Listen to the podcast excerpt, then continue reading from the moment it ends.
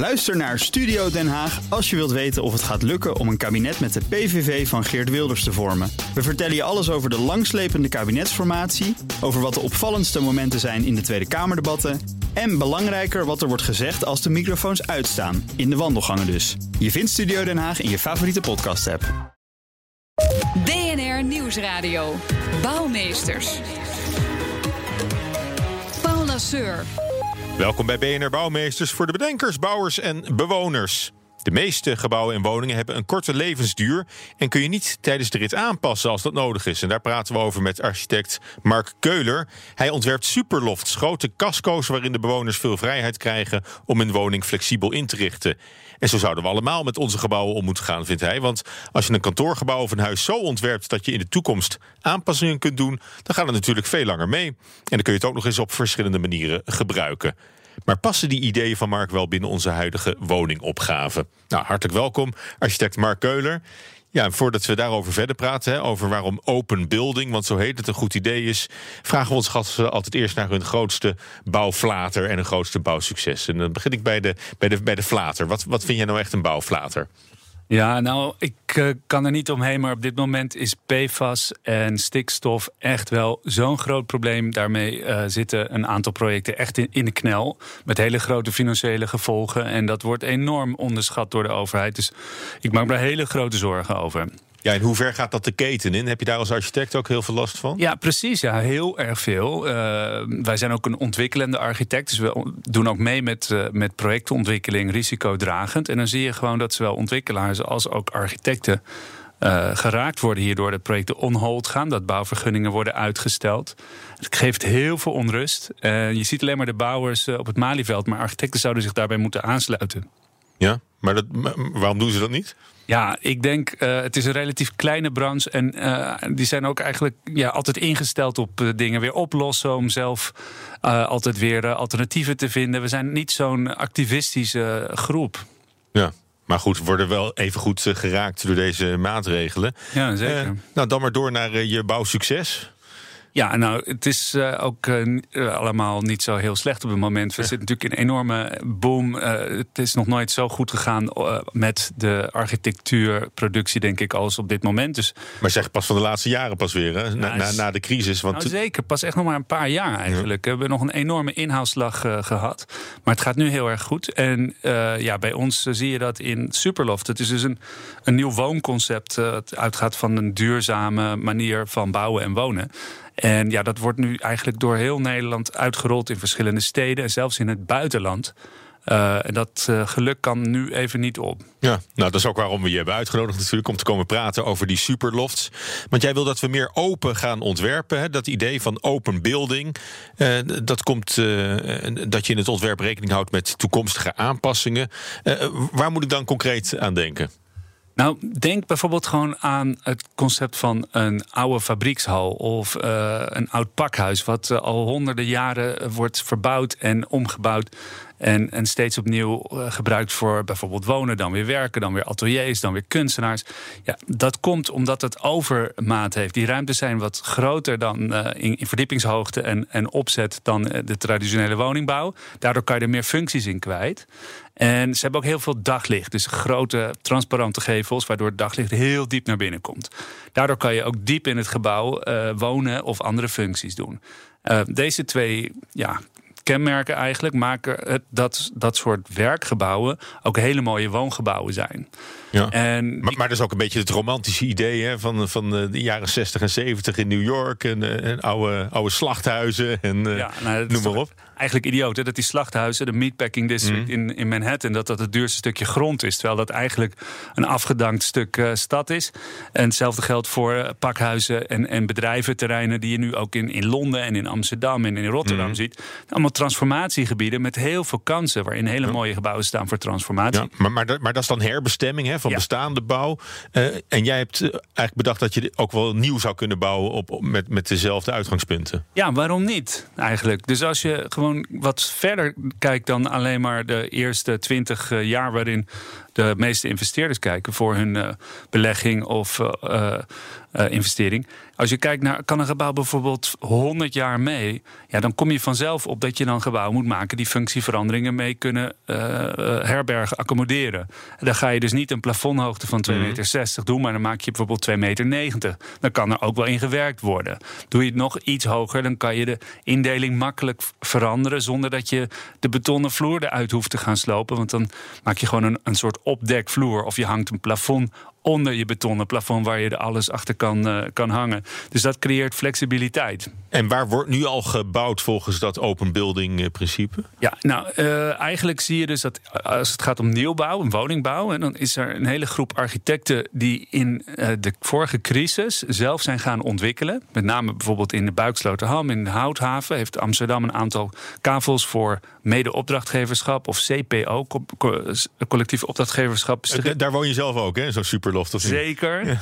Ik ben het, zo zijn er heel veel begonnen. Dus zelf gaan ondernemen, zo'n kavel ontwikkelen. Uh, zonder ontwikkelaar of investeerder. En daardoor durfden wij als groep, en het zijn een soort 15 architecten die zich nu open bouwen groep uh, noemen. Ja, die, die hebben gewoon risico's genomen, innovaties uh, in, op de markt gebracht. die de traditionele woningbouw niet aandurfden. En, en ja, dat is nu heel erg interessant. Die zijn ook aan het doorbreken op grotere schaalniveau. Ja, nou is het idee niet helemaal nieuw, hè? want in de jaren 60 werd het al bedacht uh, door, uh, door John uh, Habraken, een Nederlands architect. zijn idee, heeft dat sinds de jaren 60 eigenlijk wel navolging gekregen? Of is het, is het iets wat nu pas van de grond komt? Nou, zeker. En de eerste golf is denk ik in de jaren 60. Het ging echt over de wederopbouw om, om daar meer uh, persoon, persoonlijkheid te geven aan de massawoningbouw. Dus om in plaats van allemaal herhaal, herhalende repetitieve woningbouw meer maatwerk te creëren. Um, en vervolgende, de, de, tweede golf is eigenlijk vanaf 1995 tot 2005. IFD, industrieel flexibel demontabel. Mhm. Daar gaat het ook om de gebouwen weer uit elkaar te kunnen halen en in elkaar. En de derde golf waar wij nu uh, mee komen in openbuilding.co. Dat is eigenlijk, uh, dat gaat niet om het uit elkaar kunnen halen van de gebouwen, maar om gewoon casco's te maken die heel lang meegaan. Waarbij je vooral de binnenkant heel makkelijk kan aanpassen. Ja. Dus uh, niet uh, tijdelijke uh, studentenhuisvesting of woonmachines. Maar goede, kloeke gebouwen die heel lang meegaan. Ook een hele belangrijke rol in de stad krijgen daardoor. En ook in het geheugen ja. van de stad. Maar ook met een beetje een industriële uitstraling. Dat, dat, dat hele stoere. het is eigenlijk ook jullie dagen de traditionele woningbouw nogal uit. Hè? Ik kan me ook voorstellen dat je, dat je tegen beperkingen aanloopt. Ja, dat is ja, inderdaad heel veel beperkingen. Want uh, flexibiliteit is een investering voor de lange termijn. En dus heb je aan het begin mhm. een hogere investering. Helaas, eh, helaas zijn er in de afschrijvingstermijnen van bijvoorbeeld woningbouwverenigingen en, en pensioenfondsen wordt er met 60 jaar rekening gehouden. Terwijl je eigenlijk wil dat je 100, 200 jaar zo'n gebouw laat staan. dat zou echt duurzaam bouwen zijn, toch? Dan hoef je niks te mhm. slopen. En dan krijg je een veel betere gemengde en gezonde stad. Uh, dus we moeten ook op uh, beleidsniveau echt wat aan die uh, belemmeringen doen. En gewoon de mhm. afschrijvingstermijn enorm gaan verlengen. En op het niveau van de bewoner, je moet er natuurlijk ook achter zien te komen hoe de Nederlander eigenlijk wil, wil wonen het liefst. En dan kom je misschien best wel in de buurt uit van, van wat jullie nu mogelijk maken. Ja, zeker. Je, je, als je... Ik, moet ook, ik moest ook een beetje aan dat, aan dat Funda-huis denken. Hè? Wat is samengesteld aan de hand van al die ja. alle voorkeuren van, van zoekers op Funda. We hebben nu een paar honderd van die lofts hebben we ontwikkeld, zelf ontwikkeld en uh, ontworpen. En mensen begeleid bij het bouwen van hun eigen huis. Of hebben ze het gewoon lekker zelf gedaan. En dan zie je gewoon dat elke woning totaal anders is. Dus het, uh, aan het begin zegt iedereen, ah, is onzin. Iedereen wil ongeveer hetzelfde. Niet waar.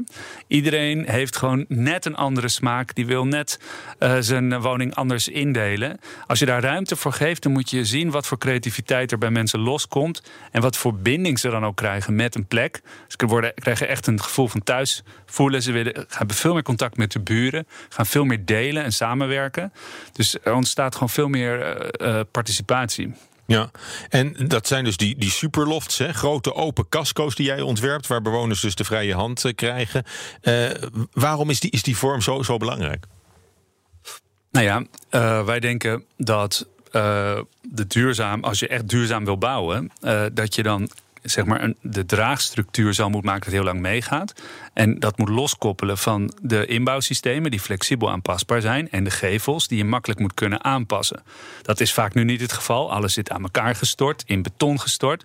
We moeten veel meer naar een, een, uh, die systemen los van elkaar halen. Dan heb je verschillende levenscycli van die verschillende bouwsystemen.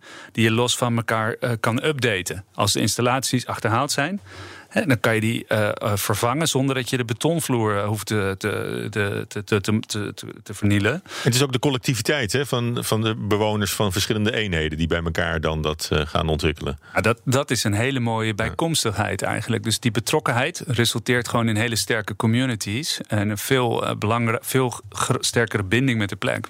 Ja. En is het ook nog wel een beetje te betalen? Want ik kan me ook zo voorstellen dat je, dat je helemaal kan leeglopen als je een beetje wilde plannen hebt voor, uh, ja, voor kan, jouw superloft. Dat kan je zeker, want je, je, men raakt heel snel verliefd op alle kansen en gaat zeker in, in meer kwaliteit investeren. Dus vrijheid resulteert in meer kwaliteit. En kosten.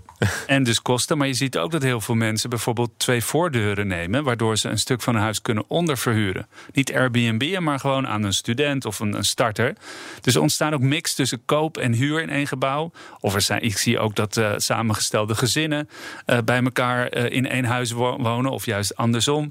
gescheiden echtpaar die nog in hetzelfde pand blijven wonen, maar met één plek voor de kinderen. Dus de flexibiliteit resulteert in heel veel ook nieuwe verschijningsvormen en woningtypes, waaronder ook veel kleine en compacte types. Dus het is niet alleen maar voor de happy view. Er zitten ook heel veel kleinere, toegankelijke en betaalbare woningen bij. BNR Bouwexpo. Welkom terug bij Bouwmeesters. Eh, voordat we doorpraten over open building, dus gebouwen zodanig ontwerpen dat je ook in de toekomst nog dingen kunt aanpassen, bespreken we eerst met redacteur Judith Lane de Bouwexpo. En Judith, deze week hebben we een tip van een luisteraar. Ja, klopt. Van twitteraar Nico Barski. Bij deze bedankt. Uh, trouwens, uh, hij zet ook hele goede foto's van zijn katten Toos en Beb op Twitter. Wilde ik toch even zeggen. Maar goed, we gaan het dus hebben over het hoofdkantoor van softwarebedrijf Decos. Uh, zit in Noordwijk op het Space Business Park. dat is dus vlak naast de Space Expo. dus ze dachten, nou ja, we moeten een enorm spacend gebouw hebben. En dat is gelukt. want het ziet er echt uit als een ingeslagen ijsmeteoriet. Het is ook, ook ergens omschreven als een ruimteschip of een diamant. Nou, het kan eigenlijk allemaal. Het is heel hoekig um, en breed. En zo hebben ze het dus ontworpen en ook gebouwd door Inbo-architecten. Die hebben we trouwens al eens eerder besproken in een uitzending. Die hebben namelijk ook het Nederlandse Lucht- en Ruimtevaartcentrum in Amsterdam aangepast. Oké, okay, en dit Decos hoofdkantoor, dat mm -hmm. staat er al sinds 2011. Yep. Wat, maakt het verder bijzonder, behalve dan het uiterlijk? Nou, het is dus van, de, nou ja, toch nog even over het uiterlijk. Aan de buitenkant is het ijsblauw. Dat is heel gaaf. Ja, ja. En uh, eromheen ligt rode gravel en losse steentjes. Dus het lijkt eigenlijk ook net alsof je op Mars staat. Het is echt heel vet. En uh, Decos is een papierloos bedrijf. Ze staan ook bijna nergens kasten in het gebouw. Dat kan dus eigenlijk ook niet. Um, want, alle bijna, want alle, sorry, bijna alle gevels en wanden die zijn schuin. Um, en de oprichter van Decos schijnt namelijk een enorme Star Wars fan te zijn. dus die wilde, die wilde ook een uh, spacend gebouw. Uh, die gaf dus de architecten de volgende opdracht. om een gebouw te ontwerpen waaruit de verbeelding van Decos ongrijpbare technologie spreekt. Uh, nou ja, dat is wat mij betreft wel gelukt. Um, en binnen is uh, alles heel erg wit. Het doet heel erg denken aan uh, 2001 A Space Odyssey. Uh, de glazen panelen hebben ze gebruikt als trapleuning. Uh, en je kunt van elke verdieping uh, naar boven zo het gebouw inkijken. Dus van binnen is het dus open en transparant. Ja, ik zag ook foto's. Hè. Het is net of je op de, op de brug staat van een, van een ruimteschip. Hè, wat je dan kan, kan, kan, besturen. Ja. Er zijn nog twee andere bijzondere aspecten hè, aan het gebouw. Ja, ja, dat open karakter van het gebouw... dat stimuleert dus medewerkers om met elkaar in contact te komen. zoals ik al zei, je kunt overal doorheen lopen. En driekwart van de werkplekken die, zijn ook open. Ehm, er schijnt ook een koffiezetapparaat te zijn... dat extra langzaam werkt, omdat te stimuleren dat mensen dus meer met elkaar in contact komen. Slow coffee. ja, slow coffee on the moon. Uh, en extra, extra cool vind ik dan zelf, de nerd in mij. Um, er ligt ook een stukje echt meteoriet oh, schijnbaar. Ja, cool. En die ligt dus ergens waar op de dag dat als er een zonnewende is, dus als uh, de zon op het hoogste of het laagste punt staat, dus op de kortste of de langste dag, mm -hmm. dan valt die lichtstraal precies daarop. Dus ik bedoel, ik wil nog net niet zeggen beam me up, maar komt in de buurt. Uh, dus uh, 22 december, dan is de, de kortste dag. Dus ja. dan zullen de medewerkers er vast bij staan. Ja, allemaal handen vasthouden en, en rond de meteoriet verzamelen. Dankjewel, ja. Judith. Bijzonder gebouw weer. En we praten nu verder over open building. Het idee om een gebouw zo open mogelijk te ontwerpen, zodat je tijdens de levensloop allerlei aanpassingen kunt doen, mocht dat nodig zijn. Architect eh, Mark Keuler die vindt, die vindt dat nodig. Uh, Mark, uh, superlofts die duiken overal op. Hè. De voorbeelden ervan staan al in Londen, New York. Grote voormalige pakhuizen, industriegebouwen, we hadden het er al over. Hè. Die krijgen een herbestemming. Je woont zelf in een van de houthavens in Amsterdam. En ja, bevalt het je? Nou, het is echt uh, ontzettend uh, mooi om in een woning uh, te wonen die eigenlijk steeds kan aanpassen. Omdat je er ja, stapsgewijs in investeert. Je hoeft niet aan het begin al heel veel gespaard te hebben om een mooie woning te hebben. Je kan gewoon elke keer als je er een kind bij maakt, gewoon een kamer bij timmeren. ja. of gewoon investeren in kwaliteit, stapje voor stapje. Hè? En dat. geeft een hoge mate van een soort klusgevoel aan zo'n woning waar, ja, waar ik heel happy van word. Uh, en daarnaast ja, 100% glazen gevels aan beide kanten. Met overigens een mooi uitzicht over de stad en de houthavens. Dat helpt ook. Uh, maar brengt ook heel veel mooi daglicht naar binnen. Het, de zon warmt ook de woning al eigenlijk natuurlijk op.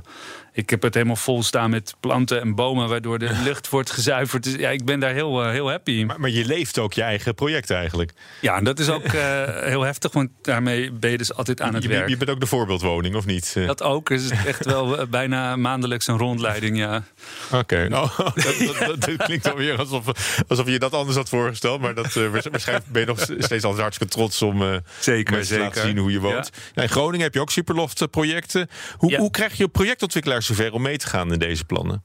Nou, uh, dat is nog een hele uitdaging. Dus tot nu toe ontwikkelen we het uh, eigenlijk zelf met uh, bewoners. Dus zonder ontwikkelaar en investeerder hebben we tot nu toe in Utrecht en in Groningen, Amsterdam, een stuk of zeven van die superlofts gemaakt.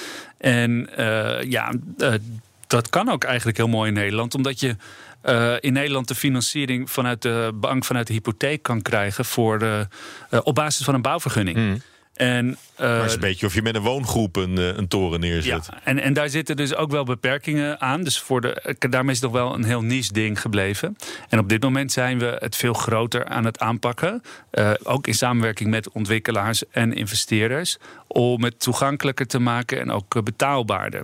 En daar, uh, ja, daar zijn we hard mee bezig, ook in het buitenland. Dus we gaan ook de huurmarkten op. En er zijn allerlei uh, spin-offs. Ja, want ook in, in Japan hebben ze hier veel ervaring mee hè, met open building. Ja, dat is echt heel interessant. Dus Habraken, John Habraken, hoogleraar uit de jaren 60, uh, MIT, TU Eindhoven. Uh, die is dus wereldberoemd geworden met zijn idee drager inbouw. Het scheiden van die twee. En dat is, heeft navolging gekregen in Japan. Daar is een enorme lobby op gang gekomen. En is het zover gekomen dat je nu subsidie krijgt van de overheid. als je je gebouw meer dan 100 of 200 jaar laat meegaan. Um, als je je... En is dat echt het gedachtegoed van Habraken of hebben ze dat uh, parallel ja, ontwikkeld? Nee, dat zijn echt studenten van Habraken die okay. daar uh, experimenten hebben ontwikkeld en aangetoond hebben dat er een meerwaarde is. Bijvoorbeeld Next 21, moet je maar eens googlen. Echt een geweldig project waarin soort ja, infrastructuur is er gemaakt. Het mm. gebouw een soort betonnen skelet met allemaal verticale mm. tuinen. En daarin zijn verschillende architecten die hun eigen woning hebben ontworpen.